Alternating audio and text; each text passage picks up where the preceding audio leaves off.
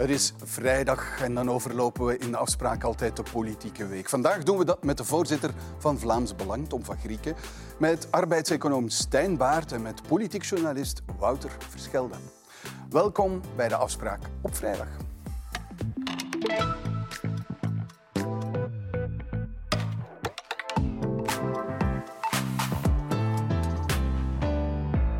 Goedenavond allemaal. Goedenavond Tom van Grieken. Um, moet volgens u het Vaticaan bisschop van Geluwe zijn titels afpakken? Zijn ene titel, bisschop van Geluwe. Wat vindt u? Wel, ik denk dat dat een, een goed signaal zou zijn. Uh, ik denk dat er veel woede en onbegrip is dat Van Geluwe in een klooster zit en niet in een cel. Uh, het zou toch een signaal zijn dat de kerk dat ernstig neemt. De minister van Justitie biedt de pauselijke nuntius nu een dossier aan over porno die op die computer van Bisschop van Geluwe zou hebben gestaan. Um, is dat de juiste weg die de minister van Justitie bewandelt? Maar zoals ik heb vernomen is het geen strafbare porno. Dus dat is één eh, aspect. En twee, het is niet de eerste keer dat uh, de minister van Justitie iets lekt uit een hangend dossier.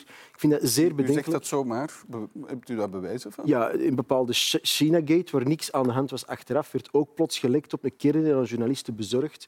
Ik heb daar mijn bedenkingen bij hoe dat zo'n minister van Justitie te werk gaat, maar verbaasd ben ik er niet over. Hij heeft ooit ontslag moeten nemen toen op een kabinet werkte, toen ook met loesje benoemingen. Dus ik verschiet van niks van die minister. Oké, okay, u bent hard voor de minister van Justitie, maar ook zijn advocaat, Joris van Kouteren, um, is relatief hard. En hij zegt, ministers hebben al voor minder ontslag genomen. Gaat u even ver als advocaat van Joris van Kouteren? Dat denk ik nu niet, maar laat maar zien hoe dat dit uh, uitloopt, dit dossier. Ik weet niet of dit de juiste weg is, maar ik deel wel de bekommernis van de minister van Justitie dat eigenlijk de kerk toch een signaal zou moeten geven. Het is toch wel welletjes geweest. Het is niet omdat het strafrechtelijk niet meer vervolgbaar was, dat eigenlijk de kerk, er is scheiding van kerk en staat, de staat kan niet meer vervolgen, maar de kerk zou toch een signaal moeten geven ja, dat zo'n mensen toch niet uh, ermee weggeraken. Want het zijn intussen verjaarde feiten, maar uw partij reageert altijd heel hard tegen pedofilie en seksuele uh, feiten. Ja, ik vind dat er nog zwaardere straffen moeten zijn voor pedoseksuele delinquenten. Het idee dat een volwassen iemand misbruik maakt van een minderjarige, mijn haren komen ervan recht. De straffen kunnen niet hard genoeg zijn. Ja. Is voor u, want u, u vermeldt het zelf, uh, China Gate, u, u, gaat er zelf um, verwijst naar wat de minister van Justitie uh, volgens u heeft, heeft gedaan. Is die zaak nu helemaal afgelopen voor uw partij? Ik vermoed van wel. wij zelf hebben gehandeld tegen één persoon. En de staatsveiligheid heeft geoordeeld dat er geen beïnvloeding was. Ze hebben in een brief voorgelezen, het comité I, een brief bezorgd aan de parlementsvoorzitter. Case closed. Case closed. Huidige toestand van het onderzoek stond er wel in die brief. Ja, ik heb geen nieuwe elementen kunnen ontwaren. Dus als er al geen aanleiding was, wat zou er nog verder zijn? Ja, en Steven Krijlman, de broer van Frank Krijlman, staat ook op de lijst in de provincie Oost-Vlaanderen. Dat klopt, die beslissing is al enkele maanden geleden genomen. Oké, okay. goed. Goedenavond, Stijn Baart. Minister van Defensie Ludivine de Donder zoekt meer reservisten. Voelt u zich aangesproken? Voel me niet aangesproken. Nee? Ik, uh, ik, vind het goed dat sommige burgers hun nek uitsteken voor onze veiligheid.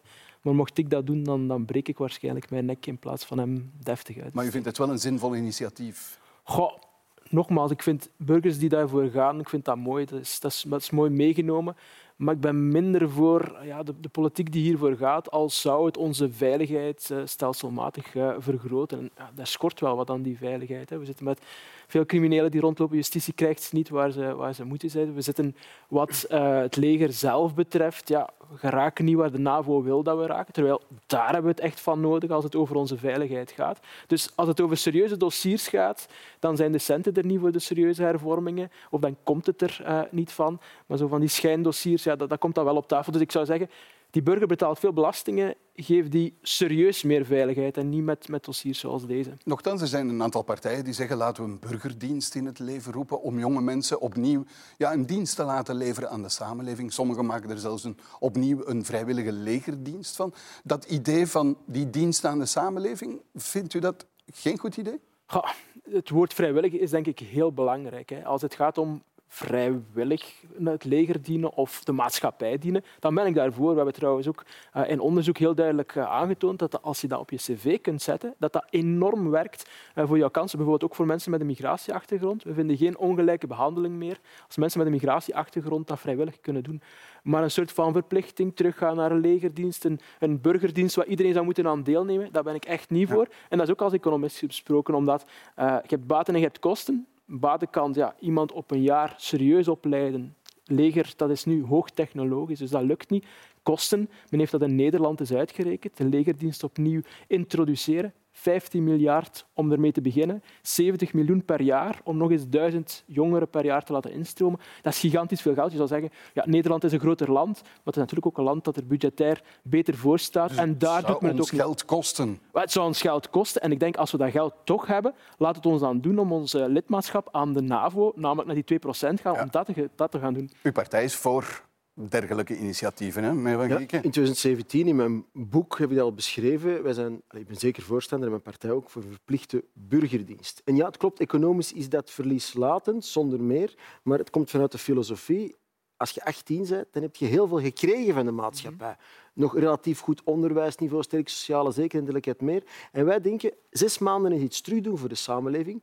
Dat kan een meerwaarde betekenen. Dat kan zijn in de zorg helpen, kan helpen met kansarmen met hun huiswerk, zoiets. En daar voegen wij aan toe een vrijwillige, geen verplichte, legerdienst. Willen jongens of meisjes dat doen in het leger, ervoor warm maken, teamspirit, wat orde en discipline. Waarom ook niet? Dat dat een budgettaire impact heeft, zonder meer. En ik ben het wel eens met uw uh, analyse, meneer de professor, dat we misschien eerst onze defensieuitgaven op peil moeten hebben ja. en dat in tweede instantie. Maar ik vind niet dat een politicus een maatregel of ideeën moet aftoetsen enkel aan de financiële kosten. Nee, dat klopt, maar ik zou zeggen, lijkt het wel voor als u ervoor bent aan het planbureau en zeg ook hoe dat u gaat financieren. Want het is altijd een opportuniteitskost. Iets anders dat je met die middelen ook zou kunnen doen. En 15 miljard bijvoorbeeld, ja, dat zijn wel wat centen waar je ja. die mensen die zorg nodig hebben bijvoorbeeld ook kunt helpen. Goed, Wouter Verschelde, goedenavond. Goedenavond. Um, opvallend initiatief in Kortrijk. Allee, opvallend, het gebeurt in meer steden en gemeenten. Verschillende partijen die samengaan om de gemeenteraadsverkiezingen voor te bereiden. Maar Kortrijk is toch wel zeer opvallend. Open VLD en CD&V, net twee partijen die een aantal jaren geleden bijna ja, met getrokken messen tegenover elkaar stonden. Ja, het is een ongelooflijk verhaal, Ivan. En eigenlijk is het uh, Vincent van Quickenborne, de kat met negen levens, politiek dan, die zichzelf telkens heruitvindt. Uh, die ja, tot voor kort de grootste fan van Vivaldi was en vicepremier en nu plots burgemeester opnieuw. Um, en timing is alles in politiek. Op het juiste moment teruggaan en die scherp opnieuw pakken. Uh, en dan een nieuw kartel sluiten met zijn aardsvijanden. Ik vond het zelf heel opvallend, uh, de familie de Klerk. Hè, want vader Stefan, die ooit ontroond is geweest door Vincent van Quickenborne, die eigenlijk letterlijk bij jullie op de radio zei, ik vind hem uh, ethisch niet geschikt om, om de lijst te trekken. En zoon Felix de Klerk, die eigenlijk ja, glimlachend op de voorstelling achter uh, Vincent van Quickenborne stond. De familie heeft deze week een, een Instagram op een foto gezet waar ze samen naar de voetbal ja. keken. Ik denk dat er wat uh, gelijmd moest worden in de familie. Maar is het goed voor is. En voilà, het is, het, is het zijn initiatief of heeft hij het initiatief dat al lang in voorbereiding was gekaapt?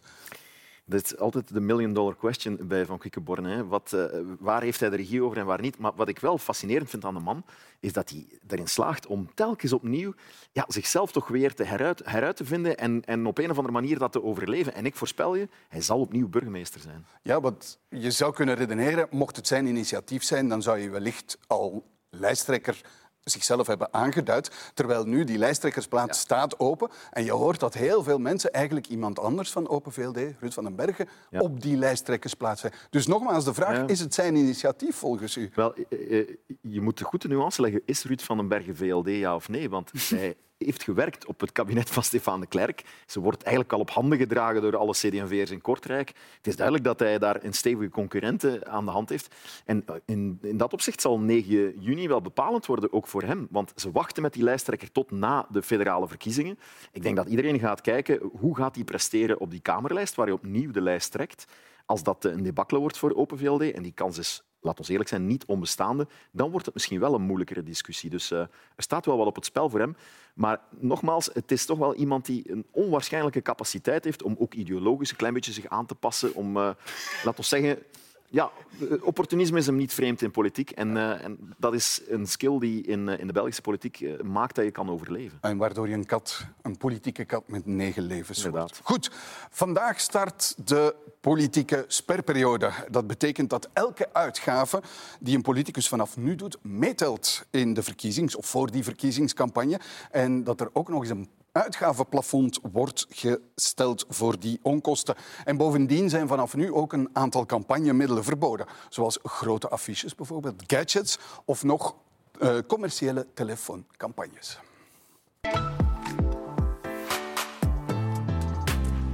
Six mois après, nous sommes laissés sur notre faim.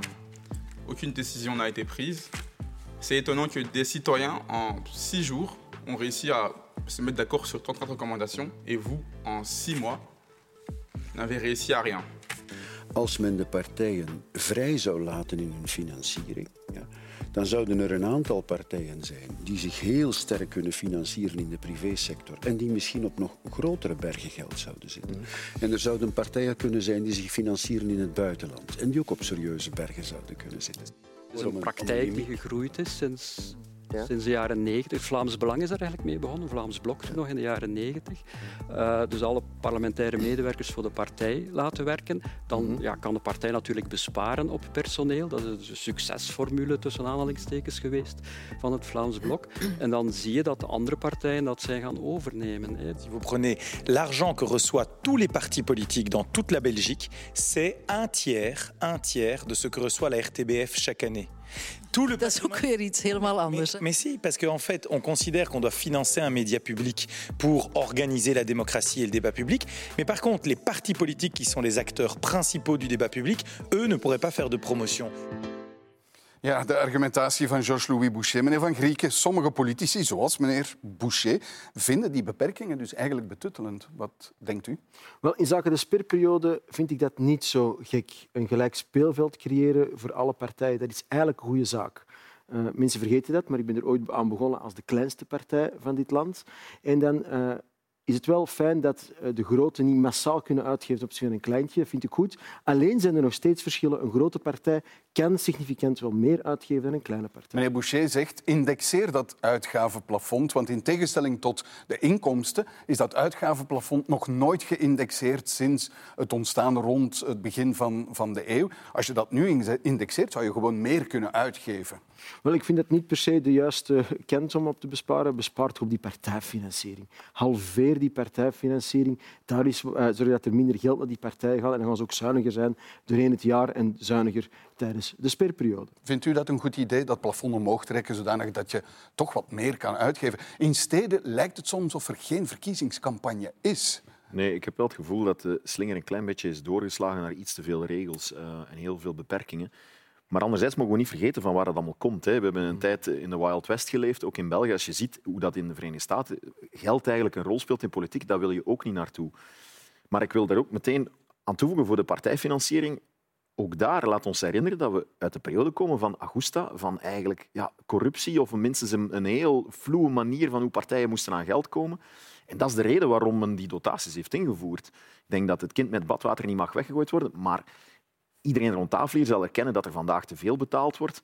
En het echte probleem, vrees ik, is daar dat degenen die dat debat tegenhouden niet rond de tafel zitten op de Vlaamse openbare omroep. Boucher is even naar bij jullie gekomen op Villa Politica. Uh, maar het is hij en, en, de PS van Paul Magnet die tot nu toe eigenlijk een veto altijd gesteld hebben. En waarom? Wat is de reden waarom zij dat veto stellen? Heel simpel, omdat zij grotendeel daar hun personeel mee betalen en geen zin hebben in een sociaal bloedbad of afdankingen. En de, de, de marge in hun ogen om daarop te gaan besparen is misschien traditioneel aan Franstalige kant altijd wat eh, minder groot, maar in deze gewoon heel praktisch. Maar je moet er wel bij zeggen, er zijn, volgens mij eh, zitten we dicht bij een doorbraak in dat dossier. Deze week heeft de PS discreet samengezeten met de MR. Het feit dat er nauwelijks iets van gelekt is, duidt aan dat het heel ernstig is en dat men eigenlijk heel dicht staat bij een doorbraak om toch die dotaties te gaan verminderen, maar meteen ook een heel uh, fel plafond te gaan opleggen over uitgaven van advertenties op sociale media. Ja, daar wou ik toe komen, want meneer veel regels, behalve op sociale media. Ik moet zeggen, ik, ik, hoor dat heel veel mensen zich daaraan storen. Ik stoor me daar eigenlijk niet zo aan. U hebt verwezen naar de gadgets van vroeger. Vroeger werd er aangebeld als je daar niet op zat te wachten om zich te presenteren. Ik heb eigenlijk liever dat men mij lastig valt met filmpjes op sociale... Campagne? Ik wil absoluut campagne en geen sperperiode, maar dat is omdat ik er heel erg van hou, van die campagne. Maar inhoudelijk vind ik die sperperiode ja, ook een beetje raar op dit moment. Allee, u zegt het is een gelijk speelveld en het verrast mij een beetje uh, om dat te horen van iemand van de oppositie, omdat ja, ministers, kabinetten mogen in principe ook niet meer verder werken aan hun imago. Maar ze hebben wel uh, al die mensen rond zich en in de praktijk ja, is het toch wel interessant om in een sperperiode beleid uh, te, te kunnen voeren. Nu, ik zou nog één element willen, willen, willen verbinden. Ja. Ministers mogen echt bijna geen communicatie meer doen. Het is echt betuttelend als je het gaat lezen wat ze allemaal niet mogen doen. Hè. Ja, maar oké, ze hebben wel die, ook die mankracht om van alles uh, voor te bereiden. Ja, maar... nu, ik wil nog twee dingen, ver, iets verbinden wat jullie gezegd hebben. Dus ik ben het eens met u. Hè. Het idee van het is te veel, ik ga daar niet zo in mee, die partijfinanciering. In andere landen wordt er wat minder uitgegeven aan partijfinanciering per burger die stemt voor een partij, maar mag er meer vanuit de privé, vanuit giften mhm. komen en we moeten daar niet naar terug. Wat ik wel vind, en daar ben ik het volledig met u eens, dat er een onevenwicht is tussen wat kleine en grotere partijen krijgen. Er is een studie van Bart Maddes die duidelijk aantoont hoeveel stemmen dat je hebt, hoeveel financiering dat je krijgt. N-VA 16% van de stemmen, 16% van de federale dotatie. Groen 6%, 6% van de dotatie. En ik denk dat je meer moet gaan naar een vast bedrag om op die manier het, het veld echt gelijker te maken. Daar ben ik het dan weer niet mee eens. Je bent een grote partij natuurlijk. Jammer ook als een kleine partij bent. Je krijgt financiering op basis van de stemmen, is een belangrijke parameter. Je kunt er ook andere verzinnen. Het is mijn probleem dat ik probeerde aan te stippen, was dat het uitgavenplafond voor grote partijen veel hoger is tijdens de verkiezingen. Even terugspoelen, okay. het is wat technisch. In 2014 had ik tien of elf uitredende parlementsleden en dan mocht je daar een bedrag voor uitgeven. Maar de NVA had er 60, 70, geloof ik, wat dus een veelvoud ervan is, waardoor het David tegen Goliath was. Mm. Uh, het het, de deal dat er zou zijn tussen de socialisten en de liberalen om de uitgaven op sociale media weer te plafonneren, ja, dat vind ik echt absolute flauwekul. En dat past in het rijtje van wanneer een oppositiepartij, meer bepaald het Vlaams Belang, iets succesvol doet, dan moet men dat verbieden of beperken. Maar ik, ik heb er even voor dat verhaal toch af te maken. 20 vierkante meter die billboards, dat was toegestaan tijdens verkiezingen tot het Vlaams Blok dat succesvol gebruikte, werd het verboden. We hebben ooit uitzendingen, zendtijd voor politieke partijen gehad. Dat was eigenlijk kabbelend, maar plots om half twaalf s'nachts, als het Vlaams Blok uitzending had, was er een piek in de kijkcijfers, verboden. We hebben Villa Politica gekregen. Uh, toen Obama uh, social media gebruikte, was dat top als wij het gebruiken, moet het gelimiteerd worden. En ik zie daar een bepaald mechanisme in dat mij weinig democratisch lijkt. Oké, sociale media. Toch even wat cijfers. Want, want het is, uh, dus in de maand januari, alle Vlaamse partijen samen, meer dan 600.000 euro. En de, laat, en, en de vijf eerste dagen van februari nog eens 135.000 euro. Dat zijn gigantische bedragen. En dan gaat het louter over betalende advertenties op Facebook en Instagram. Dat is toch gigantisch? 6 miljoen vorig jaar, hè. Uh, voor alle partijen samen. En wat Tom van Grieken omschrijft, je moet het een klein beetje uitbreiden, denk ik. Um, waarom zijn MR en PS wakker geschoten? Dat is niet echt voor eh, het Vlaams Belang. Het gaat over PvdA, PTB, die hun, hun achtertuin 600.000 euro per jaar uitgeven en zij, denk ik, 50 of 40.000 elk. Dus je voelt daar dat zij ook bedreigd worden online. En ik denk toch ja, dat je daar moet uh, even de vergelijking maken met heel Europa. In België wordt er echt disproportioneel veel geadverteerd op Facebook en Instagram. En die bedragen zijn toch wel wat ja, ontspoord. Dat kan je niet rond. We zijn koploper in heel dus Europa.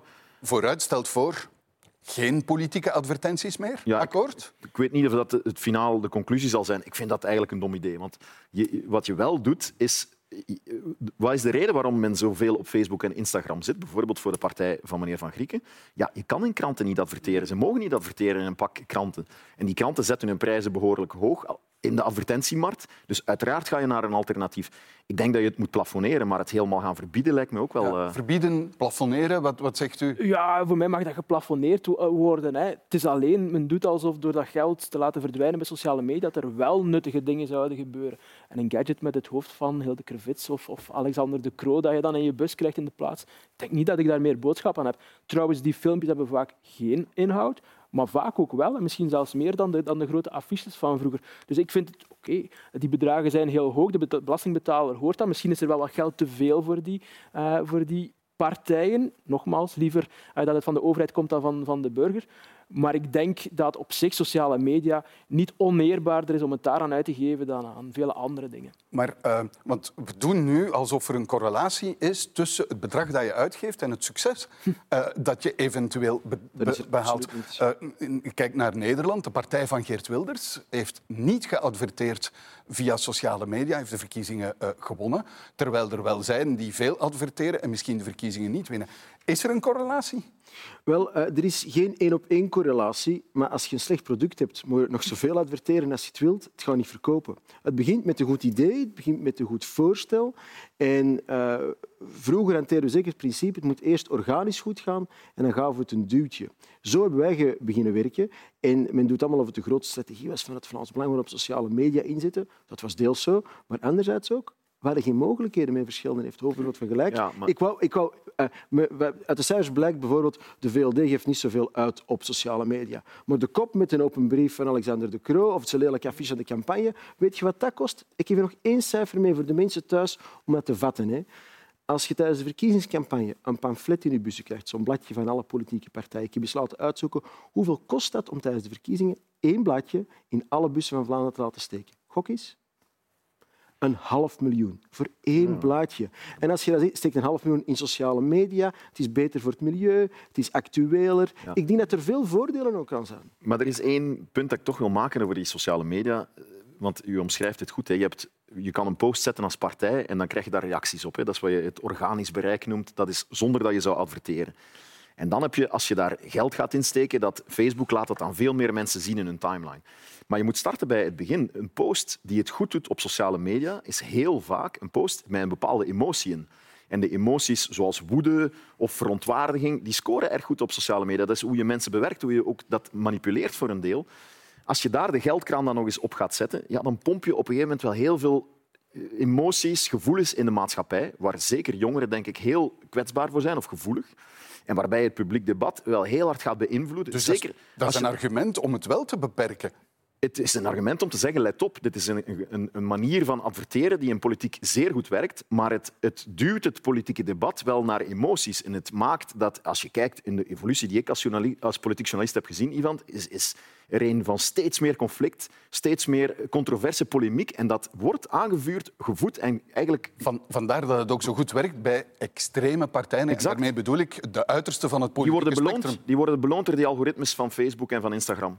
Ik ben het er, ben het er absoluut niet mee eens, want dan zou uh, Obama een heel extreme politicus zijn geweest. Dus ja, maar, nee, maar je hebt maar twee partijen in de VS, dus je kan niet vergelijken. Maar ook daar zie je dat, dat heel sociale media vooral gedomineerd wordt door die emoties. Dat is iets waar wij trouwens in de media ook... Wij zitten ook op, op, op Facebook. Wij hebben daar ook geadverteerd. Je weet wat, wat de effecten zijn. Je weet toch welke posts goed scoren. Maar ik ben niet overtuigd dat vandaag de dag het politiek debat zoveel extremer of harder of emotioneler is. Ga een keer 50, maar wel op die sociale media. 50, is 50, 60 jaar geleden terugvoeren. Schoolstrijd, noem maar op. Het was veel bitser, veel harder. Het was ondenkbaar dat iemand een katholiek nest zou trouwen met een socialist. Dus het was veel harder. Nu is het misschien wat bitsiger met woorden. Maar dat is toch democratie? Het debat, het vrije woord. Laat maar wat emotie zijn. En ik heb eens iemand horen schrijven, zien schrijven in een boek, zolang je niet meer emotioneel, geen emoties meer toont met politiek, dan is er niks aan de hand. Maar als je apathisch wordt, dan heb je een probleem. Het is voer voor onderzoek, denk ik, wat het precies maakt. Maar ik mm. denk bijvoorbeeld het voorbeeld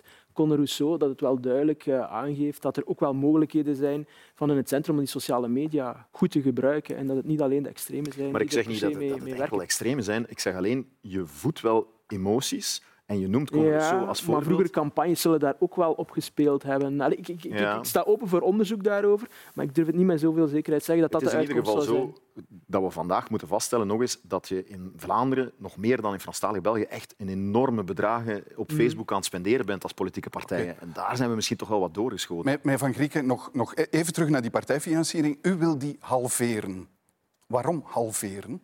Wel, omdat alle mogelijke opties die op tafel liggen altijd de een of de ander benadelen. Het aftoppen, bijvoorbeeld meer geld geven aan, uh, meer mogelijkheid geven om privésponsors. Maar ja, als je kapitaalkrachtige kiezers hebt, ja, dan gaan die makkelijker sponsors kunnen geven. Maar dan halveren is net goed voor grote partijen, want die houden van dat grote bedrag een grote helft. Kleinere partijen krijgen natuurlijk maar een kleine helft. Ja, maar het is wel een consequente maatregel. Uh, meneer Verschil heeft nog eens aangestipt waarom is de PGS in, uh, in, meer wakker geschoten om een politieke concurrent af te stoppen. Men past het systeem aan naar gelang een politieke tegenspeler. En dat vind ik niet correct. Zo is de, dus we hadden ooit na de Augusta-schandalen van de socialisten en zo, heeft men dit systeem ingevoerd. Maar de drie grootste partijen, het grootste deel van de koek, niet-systeempartijen groeien, groeien, groeien. En wat hebben ze gedaan?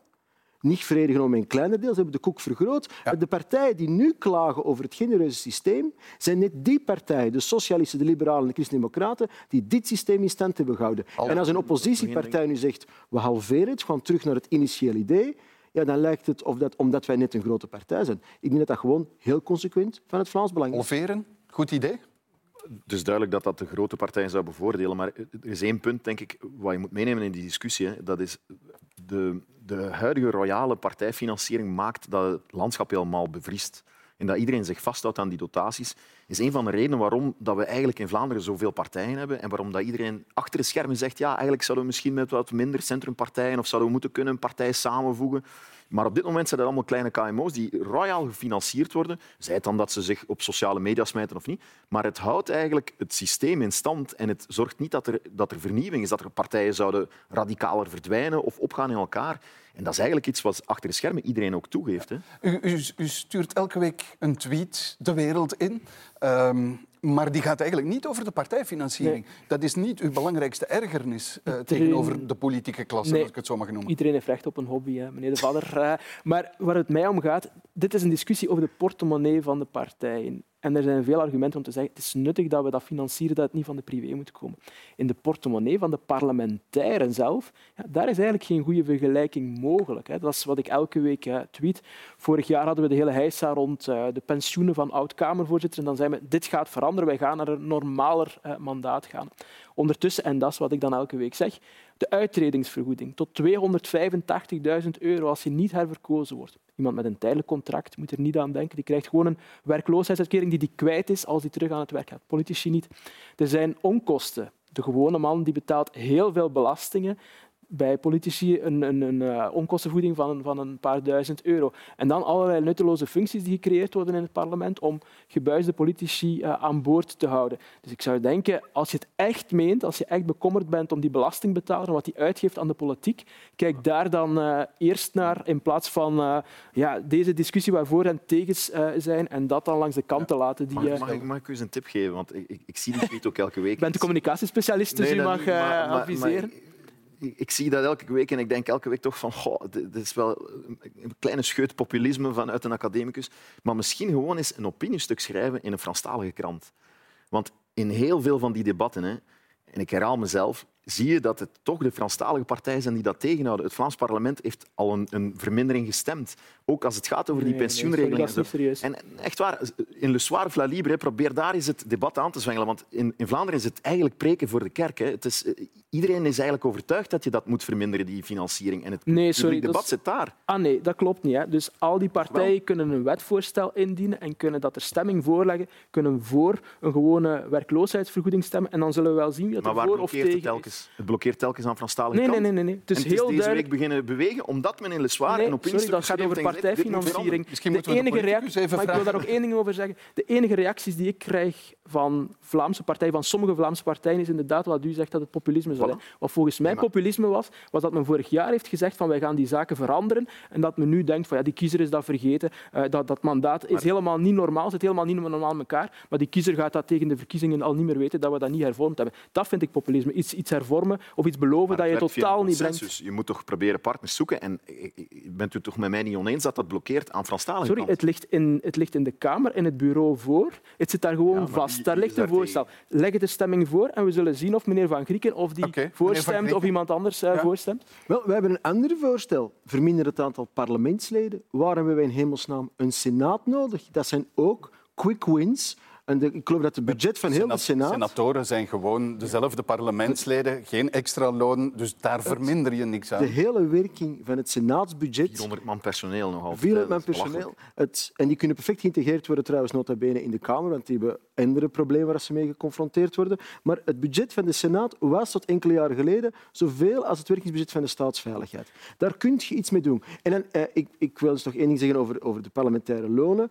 Men zegt mij dat in vergelijkende studies Ja, met andere landen dat ongeveer hetzelfde, hetzelfde is. Dus ik denk dat het efficiënter is om minder parlementsleden te hebben, minder ministers. Mocht China per hoofd evenveel ministers hebben dan België, dan zou China 6000 ministers hebben, met bijhorende kabinetten. Daar zit het vet waar je kunt wegsnijden. Allee, meneer Van Grieken, daar zit u met de partijen die normaal veel wolliger communiceren dan dat, dat u doet. Hè. Die uittredingsvergoeding. Stel dat u niet zou verkozen worden. Ik ga daar niet van uit. Je hebt tien jaar in het parlement Ik gezeten. U gaat 185.000 uittredingsvergoeding nemen. Bent u daarvoor? Zou u Nee, zullen we- voorstemmen zullen of we veel tegenstemmen? maken? Philippe de Winter bijvoorbeeld, Gerol Zit van een- zijn twee parlementsleden met de langste staat van dienst die nog genieten van de oudste regels en dus die de hoogste uitredingsvergoedingen zullen krijgen wanneer ze dat uit dat parlement zullen treden. Dat zult Jean Gerolf en Filip zelf moeten vragen. Maar wat vindt u als voorzitter? Vindt u dat nog rechtvaardig dat dan die twee mensen, volgens die regels, die uitredingsvergoedingen, zijn er verschillende van andere partijen die gezegd hebben nee, Herman de Croo is maar een voorbeeld daarvan, we laten die uitredingsvergoeding voor wat ze is. Maar het Dus- voorbeeld voor Herman de Croo was, hij kreeg meer pensioen dan zijn uitredingsvergoeding. Dus ja, ik wil wel sommige hypocrisie eromtrent. Nee, nee, ik maar- vind persoonlijk dat Gerolf en Filip er zelf moeten over oordelen. En ik vind ook dat je de spelregels niet aanpast doorheen het verhaal. Maar Daar ben ik het mee Nee, eens, ik hè. zou- ik zou U nog- zegt, maar u als je zegt kijkt- de regels niet aanpassen, als u dus kijkt- u vindt dat zij recht u- hebben op die uitredingsvergoeding. Maar ja, ik, ik vind ge- verworven rechten dat is iets waar wij enig gevoel voor hebben. De regels die nu geïmplementeerd zijn, ik ben van een jonge generatie politici, ik kom niet tot die genereuze dingen. Het is gelimiteerd ook wat uw pensioen zal zijn en zo. En ik vind het allemaal heel goed. Ik wil wel voor één ding, en dat is eh, waarschuwen. Een parlementslid zijn is eigenlijk geen job, maar een mandaat. En dat is een verschil. Ik, zie je tweet ook en ik like het altijd, maar er is een verschil tussen wat een mandaat is en een job. Een mandaat is dat je sowieso beperkt in de tijd uitoefent. En eigenlijk, Filip en Gerolf zijn de uitzonderingen die zo lang in een parlement zitten. Hoe lang... Want qua populisme gesproken, u weet dat ook, meneer professor. Hoe lang is iemand gemiddeld parlementslid? Zes of zeven jaar. Dat gaat niet over die exuberante bedragen. Dus die exuberante bedragen, dat gaat inderdaad over mensen die een lange carrière hebben gehad in een systeem dat al heel hard verouderd is. Sorry, meneer Van Dat, dat Allee, nota bene wij niet op poten hebben gezet. Nee, nee, maar u kunt het veranderen. En mijn punt is, voor mij mogen meneer Annemans en meneer De Winter die mogen dat opnemen. Het is een recht, ze hebben het opgebouwd. Het gaat over de politici die morgen uittreden. En u zegt, het is hervormd, maar u kunt, ik heb het eh, snel berekend, een 185.000 euro krijgen aan uitredingsvergoeding mocht u niet daar verkozen zijn. Ik zeg niet dat u dat niet zou mogen opnemen, maar u zit wel als partijvoorzitter in de driving seat om, als er een voorstel komt, om te hervormen. En zou u dat doen? Ja, ik zou dat gerust willen herbekijken zonder, eh, zonder probleem. Het enige wat ik eraan toevoeg, het is een mandaat, geen job. Dat is wel een fundamenteel verschil. Voor mij is de analogie er met een tijdelijk contract van een werknemer die daar ook geen Ik op heb Een wil nog- redenering die ik wel eens wil onderzoeken. Ik wil nog één vraag stellen. Eh, want de start van de campagne betekent ook het laten berekenen door het planbureau van verkiezingsprogramma's. Vindt u dat een goed initiatief? Wat denkt u zeker? eh, Het is, het is een beetje zoals wanneer je een tweedehands auto gaat kopen. Hè. Als de verkoper u niet toestaat om daar een testritje mee te doen, ja, dan weet je dat je rommel aan het kopen bent. Wat gaat uw partij laten berekenen? Wel, we zijn nog bezig met ons programma op te stellen. Eind maart komen we ermee en dan halen wij er elementen uit, want we mogen het niet integraal indienen, wat ze kunnen berekenen. We hebben er de vorige verkiezingen ook mee meegedaan, maar we weten wel dat dat systeem op zijn limieten botst. Bij uw partij denk ik dan spontaan, asiel en migratie, laten we dat plan. Wordt dat berekend? Is dat wat Dat u wordt gaat in... niet berekend. Bijvoorbeeld, niet? een van de voorstellen die wij hebben is de afscherming van de sociale zekerheid voor niet-EU-burgers. Een zeer concreet plan waar ze heel veel moeite mee doen om dat te berekenen. Iets, ik ben een republikein. Ik vind niet dat wij een koningshuis moeten financieren. Dus we hadden gevraagd aan het planbureau, wat als we dat nu eens afschaffen? Wat levert ons dat op? En dan kregen we een antwoord. Dat is een simpele rekensom. Hè. Wat geeft u nu uit? En dan zei ze, dat gaat niet. En weet dan hebben we een, op, een oplossing gevonden. Weet u welke? Om dat te kunnen berekenen, hebben we gezegd, we gaan nog maar 1 euro per jaar geven. En dan kon het planbureau het wel. Het probleem is met planbureau... nu, nu zegt het planbureau wat buiten de grondwet valt, wat Ja. buiten Europese wetten valt, dat berekenen we niet. Ja, maar dat betekent dus dat je aan beleidsmaatregelen zit en niet aan systeemmaatregelen. En ik wil nu wel, maar het beleid in het huidige systeem functioneert niet. En als je buiten het systeem wilt denken en echte hervormingen wilt, wat dit land nodig heeft, dan komt het, eh, het planbureau niet om daartoe. En vooral duidelijkheid, dat is niet schuld van het planbureau, dat is schuld van de opdracht dat ze krijgen. En het planbureau zou voor mij een interessantere functie nog hebben, wanneer partijen doorheen de legislatuur voorstellen doen dat die eens berekend kunnen worden. Dat zou het debat interessant... Maar nu doen we dat snel, snel, snel. Tussen de stemtesten door, tussen de praatprogramma's door. Laat er als er een partij een voorstel lanceert tijdens de verkiezingen, daar een toets kunnen gebeuren. Heeft de Berg een muis gebaard bij het planbureau? Ik vrees van wel, ja. En het is pijnlijk, omdat in Nederland bijvoorbeeld doet men het wel, in Australië heeft men dat ook. Eigenlijk, als je een deftige democratie bent, heb je zo'n systeem. Hè. Um, Want het betekent ook bijvoorbeeld dat je het confederalisme, een voorstel van de ja. NVA, kan je ook niet berekenen. Het is nog veel erger. Hè. Het, en dat is een heel concreet plan. De fiscale hervorming die bij Vivaldi voorlag. CD&V gaat daarmee de markt op. Maar ze kunnen niet indienen. Weet je waarom? Omdat er maar maximum 30 maatregelen... Er zitten er meer dan 30 in. Dus, allee, hoe absurd zijn we dan bezig? Hè? Dat, dat, voor mij, en, en ze komen een maand voor de verkiezingen, dus we gaan een maand voor de stembus gaan we daar van alles nog over horen. Maar ik vrees dat dat echt eh, een slag in het water zal zijn. Want iedereen kan ook aan cherrypicking doen. Je kan een deel indienen van je programma, waardoor je dan met een resultaat komt eh, dat eigenlijk gewoon niet representatief is. Ik denk toch dat het tot een beetje hygiëne kan leiden. Bijvoorbeeld de PS stelt nu voor om de minimumloon naar 2800 euro uh, op te trekken. Ik denk dat dat economische science fiction is. Als ze het meen, als ze dat echt willen uitvoeren, kunnen ze dat naar het planbureau brengen, zien hoe dat ze dat gaan financieren. En dan gaan we het wel zien. En als het niet lukt, dan kan het planbureau wel argumenteren waarom het niet lukt. Maar leg het voor. En ik, ik, vind het, ik apprecieer dat u zegt, wij, we gaan creatief zijn om toch bijvoorbeeld rond het Koningshuis dat voor te leggen. Voor het over migratie, zeer concreet. We weten dat dat niet lukt met het planbureau. Dus we hebben zelf een studie besteld, objectief men is daar nu de laatste hand aan het leggen, het einde van de maand, bij een, uh, een onderzoeker, die dat, een onderzoekbureau die dat onderzoekt. En eind van de maand gaan we dat voorstellen. Dat kost ons wel wat centjes, maar als het planbureau het niet kan berekenen, wel, dan zullen wij het op die manier doen. Goed.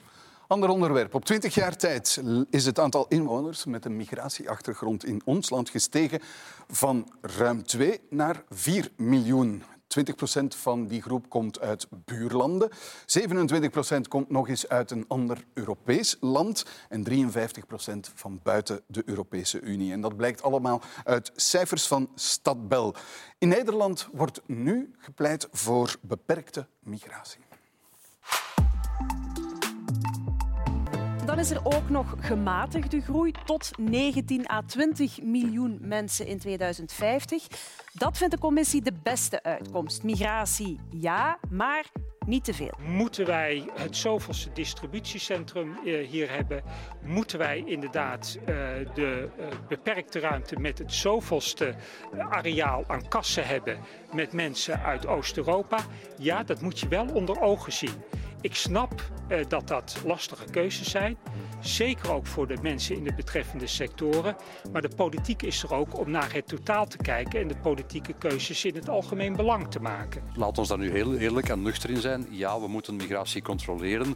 Ja, migratie moet in de eerste plaats dienen voor de zaken die we hier zelf nodig hebben en niet zorgen voor sociale uitbuiting. Maar laat ons nu ook eerlijk zijn. Zonder die migratie, ten eerste, je kan ze niet 100% stoppen. Ten tweede, het is ook een probleem voor onze arbeidsmarkt. Wij vechten tegen die, die, wat wij noemen omvolking die de Europese Unie op dit ogenblik overal in Europa aan het organiseren is. Dus draai de zaken nu niet om.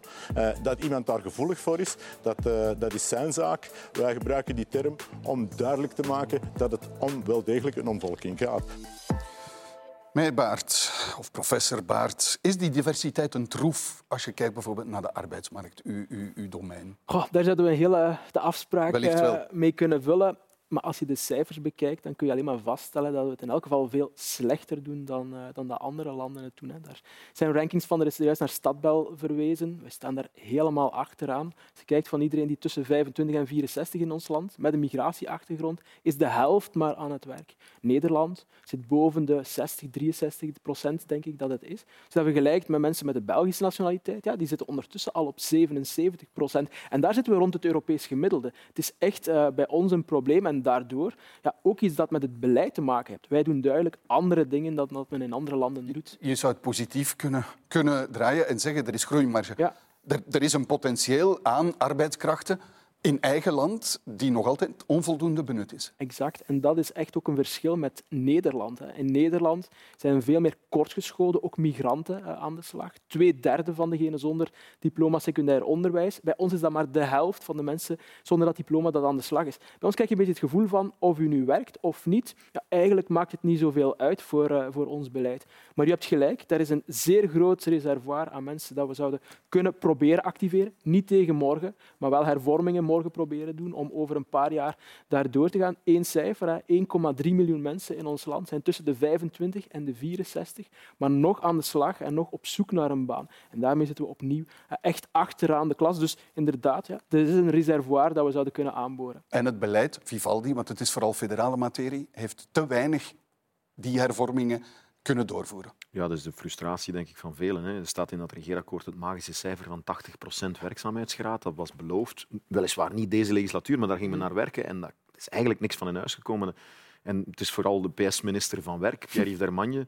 Ja, ik hoor je lachen, maar het is wel een heel bittere waarheid dat de man eigenlijk met veel ambitie begonnen is. Men ging zelfs delen van die arbeidsmarkt toch regionaliseren. Men ging met die Vlaamse regering werken. Er is allemaal niks van in huis gekomen. Ja. U gebruikt voor de situatie van diversiteit, als je dat woord wil gebruiken, een totaal ander woord. U noemt dat omvolking.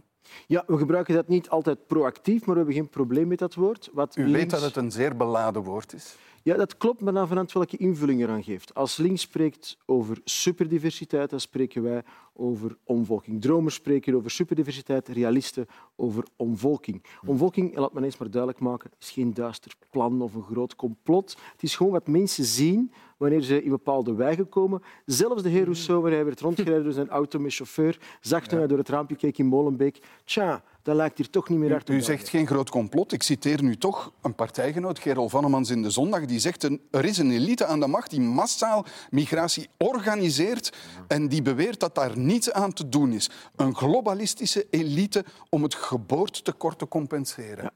Dat lijkt mij wel een complot. Wel ja, eh, ik ben het, als je de, de quote zonder context ziet, dan ben ik het daarmee oneens, want het is geen complot. Maar in die periode, en er zijn nog mensen die uitspraken hebben gedaan, is er een, een EU-commissaris, Johansson, die over arbeidsmigratie het volgende zegt. En dat is het debat dat in de Europese Unie speelt. 3,5 miljoen, houd u vast, 3,5 miljoen migranten komen er ieder jaar naar Europa. En zij zegt, eigenlijk hebben we nog een miljoen extra nodig om de demografische achteruitgang van Europa te compenseren. Dat is dus werkelijk een beleid, maar dat gaat dan niet over omvolking, culturen vervangen. Dat gaat specifiek over arbeidsmigratie. En ja, men kan er ook niet aan doen dat er open grenzenbeleid, dat decennia lang gevoerd is, dat het gevolg daarvan is omvolking. Het is geen plan met mensen met dikke sigaren en whisky. Ja, ik, ik ga toch nog eens een elite aan de macht die massaal migratie organiseert. Een verlangen van een globalistische elite om het geboortetekort te compenseren. Ja, wat ik heel straf vind, is... Uh, uw partij is duidelijk klaar of zich klaar aan het maken om mee te gaan aan het beleid deelnemen. Of zelfs de leiding te nemen. De Vlaamse regering wil u graag het initiatief. En dan, als je het vergelijkt met het groot voorbeeld vandaag, Geert Wilders in Nederland, de campagne die we daar gezien hebben, hij kreeg de bijnaam Geert Milders, omdat hij steeds milder werd, omdat hij eigenlijk ook zijn campagne niet zozeer over die migratie ging voeren of over de islam, maar over sociale zaken. En ik zie het Vlaams Belang vandaag, Gerol Vannemans, uw voorganger, en toch iemand zeer invloedrijk, op de VRT over die omvolking in de zondag heel expliciete taal gebruiken. Het is het complete tegenovergestelde. Dus u, bent eigenlijk nog, nog extremer aan het worden daarin. Ik, ik, ik, als u wil, ik zal het hebben over vervreemding, over massamigratie, over superdiversiteit. Het zijn allemaal synoniemen voor hetzelfde verschijnsel. En daar willen wij paal en perk aan stellen. We weten dat die multiculturele samenleving, die superdiversiteit, heel veel uitdagingen of problemen heeft. En je gaat dat probleem niet oplossen door dat groter te maken. Dus ja, we hebben daar een fundamenteel probleem mee, dat mensen zich niet meer thuis voelen in hun eigen wijk. En die superdiversiteit, ik nog even mag zeggen, zo super is die niet. Hè. Als je kijkt naar de cijfers in de gevangenispopulatie, de, de, lasten, de kosten in onderwijs, in sociale zekerheid. Zo super is die superdiversiteit niet voor de En toch zegt een eerbiedwaardige commissie in Nederland dat er net migratie nodig is en dat een migratiestop zelf nefast voor de economie zou zijn. Ik citeer het rapport van de staatscommissie. Ja, maar er, er waren wel adjectieven bij. Het ging over een uh, gepaste migratie, een beperkte migratie. En ik denk dat we dringend dat onderscheid moeten maken Dat wordt allemaal in één doos gestoken momenteel. Hè. Waarom hebben we migratie misschien nodig? Omdat er vergrijzing is, omdat er knelpunten zijn. En een deel van die knelpunten kunnen wij perfect oplossen met mensen die hier zijn te activeren. Als het te maken heeft met arbeidsvoorwaarden, met uh, cursussen die kunnen gegeven worden. Maar een deeltje op korte termijn, bepaalde diploma's die wij missen, ja, dat zouden we met arbeidsmigratie kunnen, kunnen opvangen. Al volg ik daar de werkgevers ook niet helemaal in, want in dat, uh, die, die zouden zeggen, ja, doe maar, doe maar wat dat betreft. Want in het rapport van de commissie staat ook ja, dat er wel een langere termijn is van die migratie. Hè. Die mensen die vergrijzen ook op een bepaald moment als ze hier blijven. Vraagt om huisvesting en dergelijke meer. Dus opnieuw gaat het hier om doorrekenen of het ook op de langere termijn iets goed is. Welke migratie zou u toelaten? Wel, uh, ik heb wel een tipje van de sluier van die studie gezien. En eigenlijk is die we zelf die we besteld hebben, uh, maar geen invloed hebben gehad, voor alle duidelijkheid. De enige migratie die economische meerwaarde is, is eigenlijk hoogopgeleide migratie uit westerse landen, uit sommige landen uit Azië. Daar ziet je gewoon dat er een netto winst is. Al de rest, kortgescholden, heeft eigenlijk alleen maar een kostprijs. En ik, uh, ik ga niet mee met de redenering, VOCA is nu uh, bijna uh, een, een, groene agenda aan het uitrollen, of meer arbeidsmigratie.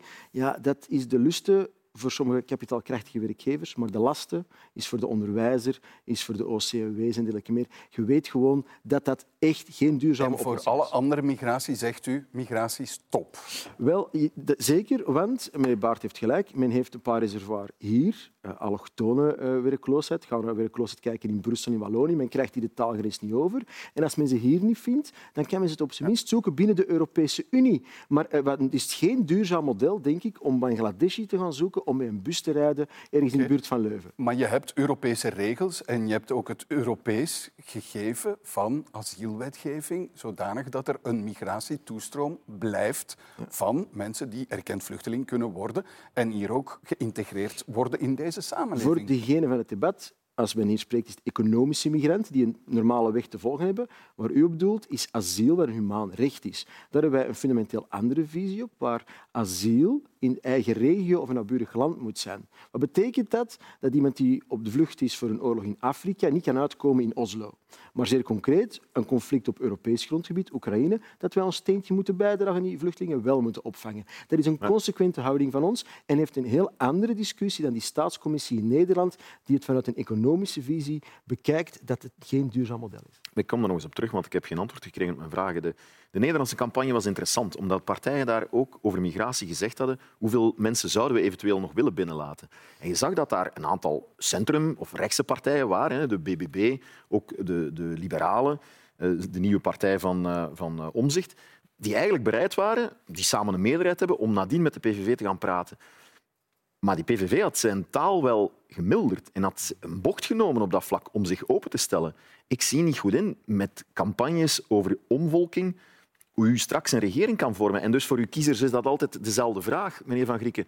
Wat gaat er dan voor hun concreet zijn als u, als u zich nu al zo isoleert met taal over het uitwissen van een identiteit en een cultuur? Maar voor alle duidelijkheid, één, wij voeren geen campagnes rond omvolking. De bal is aan het rollen gegaan. u hebt het gisteren nog in het parlement gebruikt. Ja, waarbij ik zeg, het is niet het complot ja. dat de tegenstanders ons opwerpen. Dus ik probeer het een beetje tegengas te geven, want ze worden in Maar je zou dan misschien gewoon het woord kunnen vermijden. Als je, het, is, het is heel provocatief om te willen uitleggen hoe het maar, maar ik zal hier het engagement aangaan. Let op, ik zal het minder gebruiken, maar het probleem blijft. Minder gebruiken. Het is U zegt niet Vlaams Belang gaat het woord niet meer gebruiken. Dat zeg ik absoluut niet. Waarom niet? Omdat het wel een probleem goed omschrijft. Ik ben opgegroeid in de Kenotstraat in Antwerpen. De laatste bakker is daar weg, de, laatste Vlaam, de Vlaamse bakker is er weg, de laatste winkel. Hoe noemt je dat? De, de linkse noemen dat superdiversiteit, wij noemen dat Maar u komt altijd terug op hetzelfde. En dan zegt u, meneer Verschilde, en dat vind ik wel interessant, ja? u isoleert zich uh, daarmee.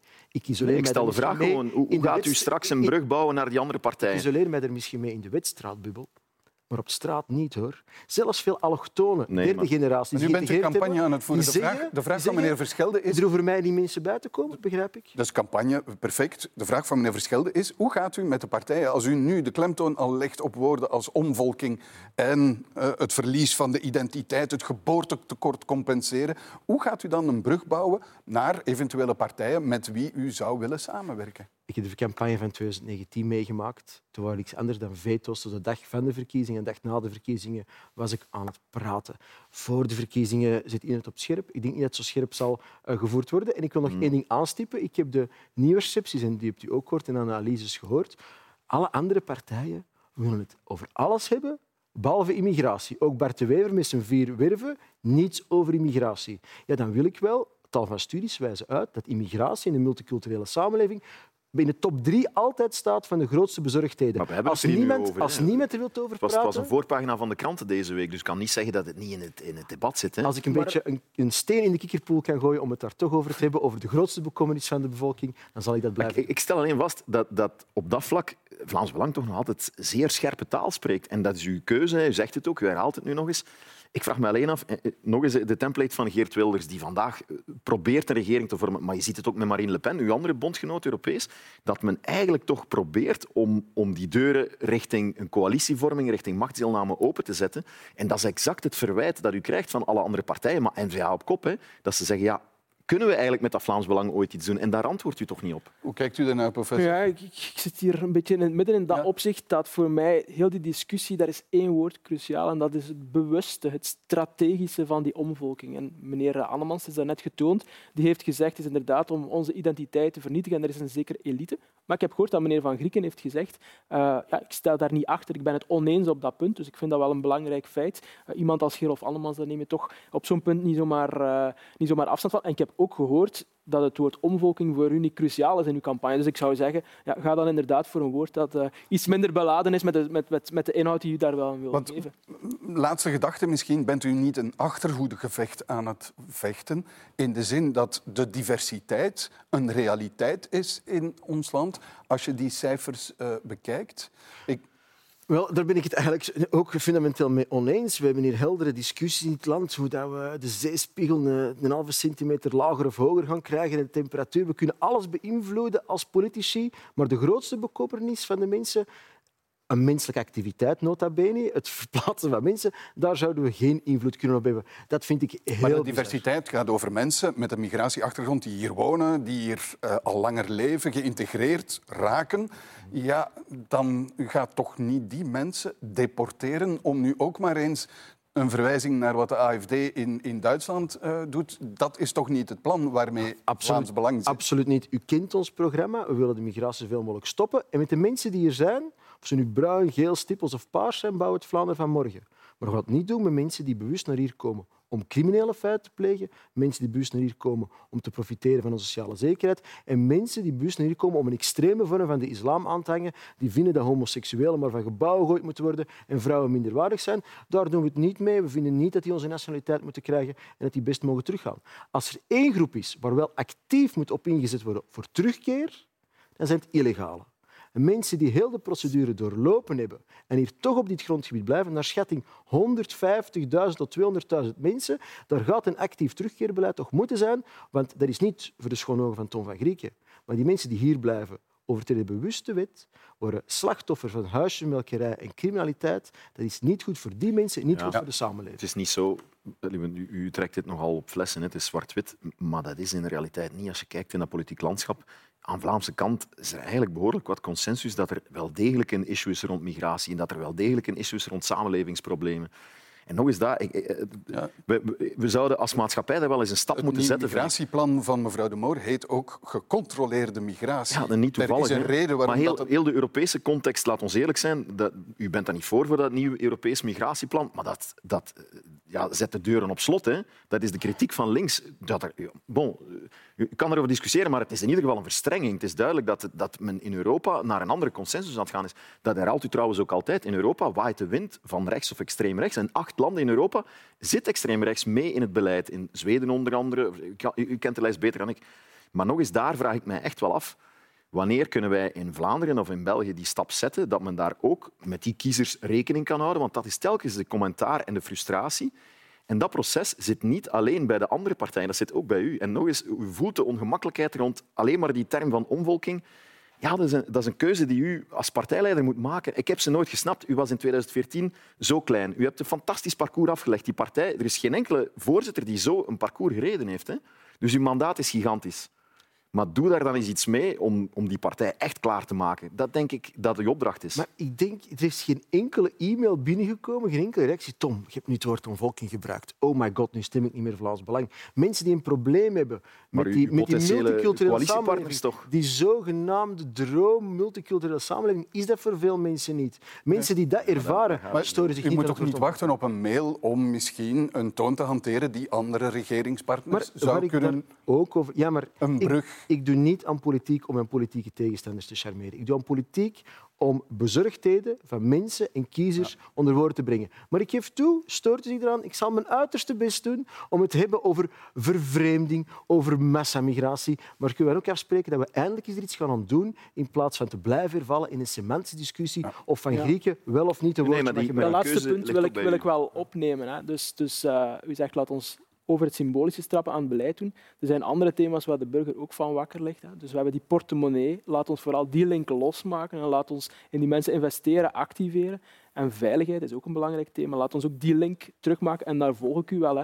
Een terugkeerbeleid dat niet gewoon een papiertje is aan, geven aan mensen is. U moet het land eh, verlaten zonder dat het serieus wordt opgevolgd. Maar ook een Elke beleid- belastingbetaler die maar dat ook een beleid vraagt dat mensen met een migratieachtergrond aan een werk helpt, Absoluut. zodanig dat ze geactiveerd Ja. worden. Met de wortel van meer overhouden en met de stok van een uitkering die eventueel kan afgenomen worden als men daar niet in meegaat. We onthouden dat u omvolking minder of niet gaat gebruiken. Al was het maar voor jullie. Hè. Oh, goed. Dat is het einde van Krijgen deze afspraak op vrijdag. En daarmee is weer een politieke week netjes neergelegd. En zoals altijd dank ik mijn gasten voor de deskundige hulp daarbij. Tom van Grieken, Stijn Baart en Wouter Verschelde. En u, beste kijkers, dank dat u er weer bij was. Tot de volgende keer.